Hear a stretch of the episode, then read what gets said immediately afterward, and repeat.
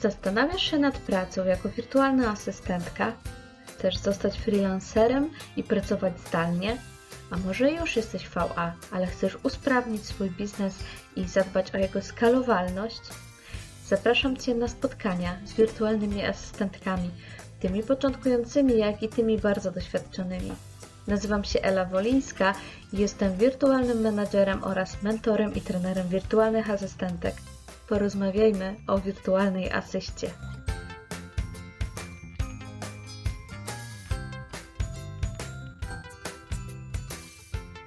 Witajcie. To jest podcast Porozmawiajmy o wirtualnej asyście, ale, ale, ponieważ jest środek wakacji i ja właściwie za chwilę też jadę na urlop, upragniony urlop, na który już czekam, o Jezu, chyba, nie wiem, drugi rok przez tą nieszczęsną pandemię, to troszeczkę odbiegnę od tematu. Zahaczę oczywiście wirtualną asystę, natomiast co mam jakieś konsultacje, co z kimś rozmawiam, również z osobami, które zupełnie nie są związane w żaden sposób z pracą zdalną, w ogóle nie myślą ani o, o tym, żeby być wirtualną asystentką, ani zatrudniać wirtualne asystentki, to bardzo często słyszę właśnie pytanie, jak to było u mnie, skąd ten pomysł? I w ogóle skąd mi się to zrodziło, wirtualna asysta, tyle lat i w ogóle czym ja się tak naprawdę zajmuję. Słuchajcie, troszeczkę piszę o tym w e-booku, natomiast Naprawdę, naprawdę krótko. Moja przygoda z wirtualną asystą zaczęła się tak naprawdę ponad 10 lat temu, właściwie w październiku już będzie 11, a wszystko zaczęło się od y, copywritingu tak naprawdę. Właściwie to chodzi bardziej o pracę zdalną niż taką stricte właściwą pracę jako wirtualna asystentka.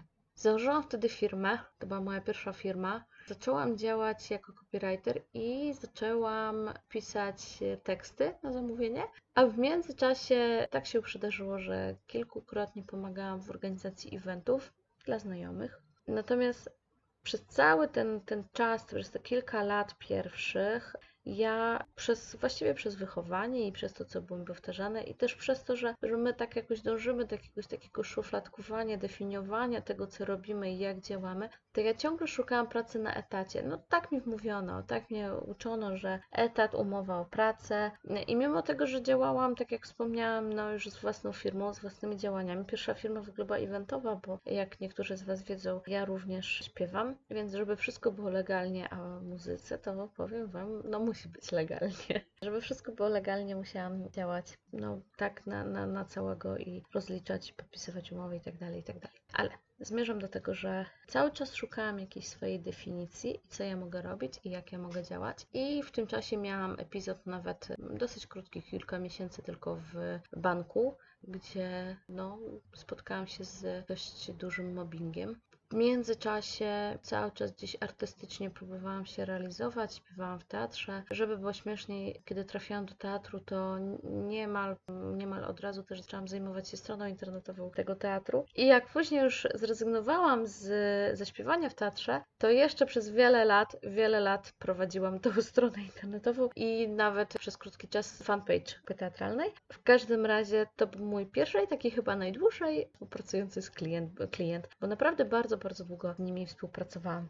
Ale wracając, w międzyczasie zaczęłam tworzyć. Jak wielu z Was wie, ja jestem też rękodzielnikiem, bardzo lubię rękodzieło i był taki czas, że zaczęłam robić to na większą skalę, bo po prostu zgłosiło się do mnie kilka osób, żebym uszyła jakieś duże projekty. Zaczęło się od króliczków dla fundacji i chcąc tak naprawdę rozkręcić trochę tą moją zajawkę rękodzielniczą, założyłam swoją stronę, zaczęłam prowadzić fanpage, pokazywać się na różnego rodzaju targach, ale ciągle tak naprawdę takim głównym moim źródłem utrzymania to były prace przy eventach i jakiejś organizacji Pomagałam na przykład znajomym, a to komuś poprawiłam CV, a to komuś e, notę bio napisałam, a to zrobiłam jakiegoś PDF-a, więc tak naprawdę od takiego drobnego zlecenia do zlecenia i to było moje główne źródło utrzymania i tak jak wspominałam, ta strona internetowa dla teatru. No i zaczęłam szyć.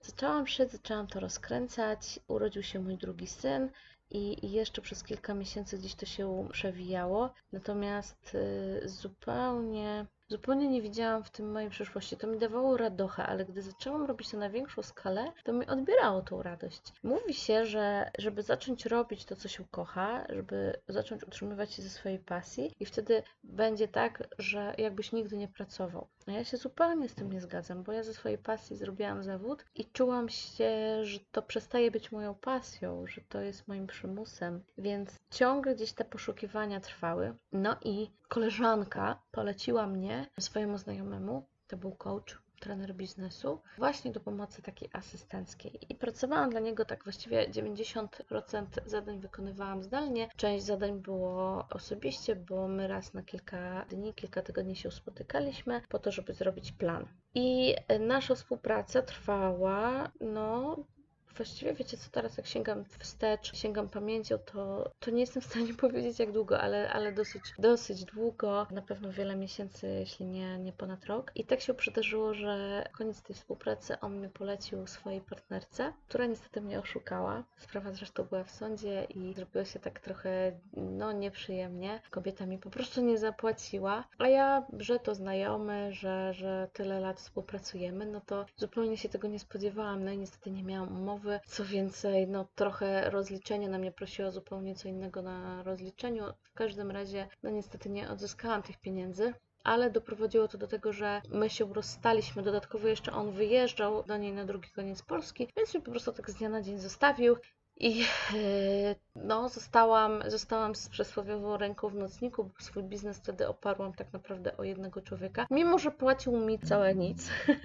Nie no, dostawałam wynagrodzenie, ale strasznie marne. Naprawdę, wiecie, jakbyście usłyszały, to byście w życiu nie powiedziały, że, że naprawdę Ela, ty taka silna, asertywna osoba i pozwalała się tak wykorzystywać. Ale tak, to było dawno temu, to było dobrych, dobrych parę lat temu. Dawałam się wykorzystywać, ale dało mi to też dużo nauki, ja się też dużo nauczyłam. Nie znałam zresztą czegoś takiego jak wirtualna asysta. Ale klub, w momencie, kiedy on mnie zostawił, trochę się podłamałam, ale dosłownie następnego dnia ja już założyłam fanpage, stronę, przekształciłam i słuchajcie, w jakiś tydzień powstała strona internetowa z, z, ofertą. Zupełnie inaczej się nazwałam, nie wiedziałam, co to jest wirtualna asysta. Zresztą w historii mojego fanpage'a, właśnie jak sięgałam niedawno do, do tej historii, jak się zmieniała nazwa mojego fanpage'a, to tam widać, że pierwsze nazwy to było gdzieś tam nie asystentka, tylko właśnie web design, copywriting i jakieś tam inne usługi, coś tam jeszcze, event manager, tak? Event właściwie asystentka bardziej niż manager wtedy. W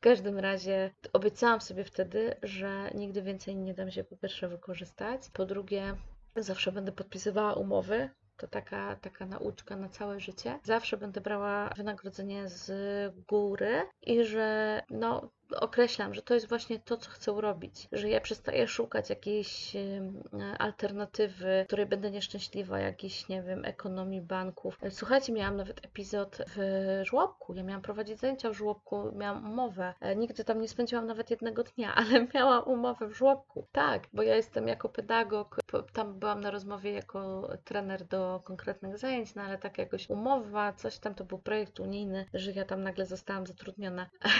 nie, prawda? prawdopodobne. Ja się w ogóle do tego nie nadaję. Uwielbiam dzieci, uwielbiam prowadzić z nimi zajęcia, ale wciąż czułam, że, że to, co próbuję robić, czego szukam, to mnie zupełnie ogranicza. To jest po prostu, że próbuję sobie sama założyć kajdanki, tylko po, dlatego, że muszę, bo muszę pracować, bo muszę zarabiać, bo muszę utrzymać moją rodzinę, a przede wszystkim czuć się też bezpiecznie, bo ja nie miałam pętli na szyi przysłowiowej, tylko mogłam sobie pozwolić na poszukiwania, bo bardzo, bardzo mocno mnie wspierał w tym mój mąż. No tak kolorowo nie było, czasem było ciężko, bo jak nie, nie było środków albo, albo były bardzo niewielkie, a wiecie, kredyt, mieszkanie kupiliśmy, no to, to, to, to te osoby, które coś podobnego przeżywają, tylko wiedzą o co chodzi. Ale da się, da się, da się, da się z tego wyjść, tylko potrzeba dużo takiej trochę zawziętości, wiecie, takiej determinacji. W każdym razie Pamiętam, jak to był ostatni raz, kiedy ja byłam na rozmowie o pracę. Złożyłam na asystentkę, tak, i ja usłyszałam wtedy, bardzo niefajnie byłam potraktowana, zresztą na tej rozmowie, ale to tak na marginesie. Znajoma prowadziła się, okazało, że rekruterką jest moja znajoma i zaprosiła mnie na rozmowę tylko po to, żeby mi dać feedback i żeby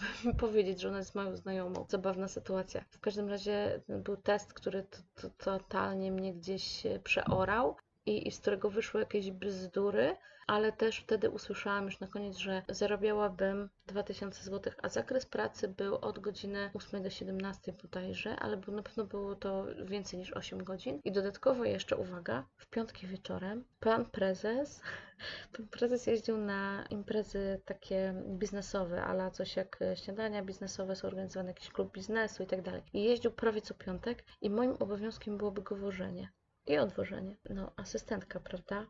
I to wszystko miało być za 2000 zł na rękę. I kiedy ja to usłyszałam, to tak naprawdę wróciłam do domu i myślę sobie, co ja robię? No do cholery, co ja robię? Ogarnij się dziewczyno, masz dużo większe kwalifikacje, masz dwa kierunki studiów skończone, masz e, szkołę bardzo dobrą zawodową, kolejną zawodową szkołę, mnóstwo kursów, naprawdę. Plusem em, założenia działalności było to, że ja zaczęłam się zapisywać na różne kursy z Urzędu Pracy dla przedsiębiorców i w ten sposób zrobiłam kursy na różnego rodzaju oprogramowanie, zrobiłam świetny kurs zarządzania personelem i marketingu. Marketing taki sobie, ale zarządzanie było na po prostu mega dobrym poziomie. I, I co ja, co ja robię, żeby tylko mieć jakąś umowę i pracować, jakieś śmieszne pieniądze i, i w ogóle się nie rozwijać i wozić pana prezesa pijanego w piątki na imprezy? No nie, no to, to jest po prostu nieprawdopodobne i niedorzeczne. I, i ta sytuacja z tym e, moim klientem spowodowała, że ja się naprawdę otrząsnęłam Nigdy nie zeszłam już wtedy poniżej pewnego pułapu zarobków, który sobie założyłam, że to jest moje minimum i, i, tak chcę pracować. Kilka tygodni później, może miesięcy, już teraz nie pamiętam, wybaczcie, trafiłam zupełnie przez przypadek na grupę Wirtualna Asystentka Ogłoszenia Informacji Wsparcia i dowiedziałam się, że jest coś takiego jak wirtualna asystent. I poczytałam trochę informacji, dokumentów i mówię, kurde, ja to robię od tylu lat i nie wiedziałam, że to się tak właśnie nazywa. Więc dla mnie to było zaskakujące. W końcu sobie zdefiniowałam, ta moja potrzeba definicji się zrealizowała. Ale, ale, Wy macie o wiele łatwiej, bo wirtualna asysta dzisiaj jest bardzo popularna i szukając pracy jako freelancer i rozwijając się, szczególnie kobiety, chociaż nie tylko kobiety, bo panowie też są wirtualnymi asystentami, każdym razie, jeżeli potrzebujemy tej, tej definicji, no to, to mamy ją po prostu podaną na tacy, zarówno w e-booku, jak i na stronach internetowych innych wirtualnych asystentek, na grupach biznesowych. Dzisiaj, jak się wejdzie na grupę biznesową i zadając pytanie o współpracę, o pracę, podając nawet jakiś swój zakres działań, albo pytając, co można by zrobić, takie pytania bardzo często padają, to dzisiaj już nikt się nie dziwi, że jest wirtualna asysta i albo zadać pytanie właśnie, a że słyszało się na ten temat. Bardzo łatwo jest znaleźć informacje. Kiedyś pamiętam, jak ktoś był zainteresowany tym zawodem, to no to co to jest takiego wirtualnego asystentka i kilka osób się odzywało, czy kilkanaście i pomagało znaleźć na to jakąś definicję. A dzisiaj jest to bardzo popularne, więc macie bardzo mocno ułatwioną drogę. Oczywiście zwracam się w tym momencie do osób e, początkujących albo tych, które dopiero myślą o tym, żeby zająć się tym zawodem. Ale, ale, mnie się to rozwijało, rozwijało i pracowałam jako wirtualna asystentka. Moja oferta ewoluowała, uczyłam się na, na swoich błędach różne rzeczy, różnych zadań się podejmowałam, różnych specjalizacji i, i tym podobne. Natomiast w pewnym momencie w końcu się odważyłam i do tego, żeby odważyłam się do tego, żeby jednak pójść krok do przodu. Początkowo trochę wymieszałam sobie ofertę, bo na stronie miałam dwie oferty i wirtualnej asysty i wirtualnego menadżera, bo bałam się nagle po prostu odciąć tą asystę i zająć tylko menadżeringiem. Ale w ogóle ten menadżering wziął się z tego, że Byłam w jednym zespole, gdzie moja klientka zatrudniła osobę, która miała być integratorką, i zdałam sobie sprawę, że ta dziewczyna robi dokładnie to, czym ja się tak naprawdę zajmuję, nawet w tym zespole konkretnym. Tylko nagle przejęła władzę i mi mówi, co ja mam robić, ale wcześniej ja miałam te dokładnie te same zadania. No może oprócz tam jeszcze wchodziła w grę reklama, bo tym nie zarządzałam.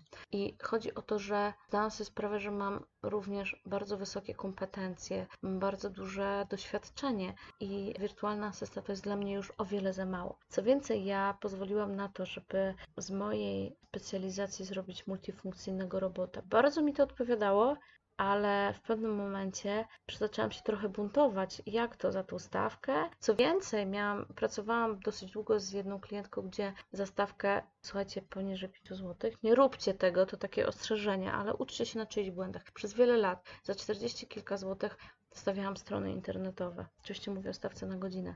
No, stawka żenująca, bardzo, bardzo niska, prawie że nie negocjowalna, bo bardzo trudne tutaj były jakiekolwiek negocjacje z tą osobą, ale mi to też pokazywało tak z miesiąca na miesiąc, z roku na rok, że zasługuję na więcej i więcej umiem i mój rozwój jest mega, mega ważny. I ten rozwój też trochę przekłada się na to, jakie mamy zarobki, jakie mamy stanowisko. Natomiast stwierdzam, że wciąż gdzieś tam te zadania wirtualne asysty się przewijają, ale zakres odpowiedzialności zwiększa się wraz ze stawką i doświadczeniem i bardzo mi to odpowiada, więc no, Miało być krótko, a jednak te kilkanaście minut opowiadałam. Taka moja krótka historia na temat tego, jak to się zaczęło z tą moją wirtualną asystą. Co będzie dalej? Nie wiem. W tej chwili uczę i daje mi to ogromną satysfakcję, a jednocześnie mam, mam kilku klientów, dla których pełnię funkcję menedżerską w bardzo różnym zakresie, bo u jednej klientki można powiedzieć, że to jest taki menedżering techniczny, czyli po prostu spinam różnego rodzaju aplikacje i samodzielnie zarządzam projektami właśnie od strony technicznej. U innego klienta jestem typowym menedżerem, czyli po prostu spinam komunikacyjnie cały projekt na bardzo wysokim poziomie odpowiedzialności, gdzie są negocjacje, rozmowy i mega dużo fajnych spotkań z ważnymi osobami. Jak, jak, jak to brzmi, tak brzmi, ale, ale rzeczywiście tak jest. Także zakres jest bardzo, bardzo różny, ale w końcu po wielu latach czuję ogromną satysfakcję. Nie, że nie to, żeby, wiecie, nie pomyślcie, że jak zaczęłam z wirtualną asystą, to, to tej satysfakcji nie było, ale wciąż szukałam, szukałam swojego miejsca i to jest właśnie to, ten managering. I z wirtualnej asysty to jest fajne, że można pójść w bardzo wielu kierunkach i ten rozwój i, i poszukiwanie jest fajne, bo jak idziemy gdzieś do jakiejś pracy, to to określamy od razu dokładnie tą ścieżkę i, i dokładnie wiemy, czego się spodziewać, a tu jest to nieprzewidywalne. Nie wszystkim to pasuje, natomiast jest to kuszące, bo zaczynamy od asysty, od pracy administracyjnej wiele osób na tym e, zostaje, a wiele będzie się pieło, rozwijało. Ktoś się zarazi WordPressem i stwierdzi, że wow, to jest co go kręci i ten rozwój, to po, poznawanie będzie opierało się o kolejne kursy WordPressowe, a może w końcu zostanie programistą i po prostu będzie te strony kodować. Dlaczego nie? I to się wszystko wywodzi właśnie gdzieś tam z tej, tej zajawki, tej pasji freelancingiem i właśnie wirtualną asystą. Więc ja Wam życzę, żeby Wam się wszystko dobrze spełniło i każdej wirtualnej asystentce tego, żeby jej rozwój i jej specjalizacja przepięknie się rozwinęła. Tak jak mi. Do zobaczenia do posłuchania.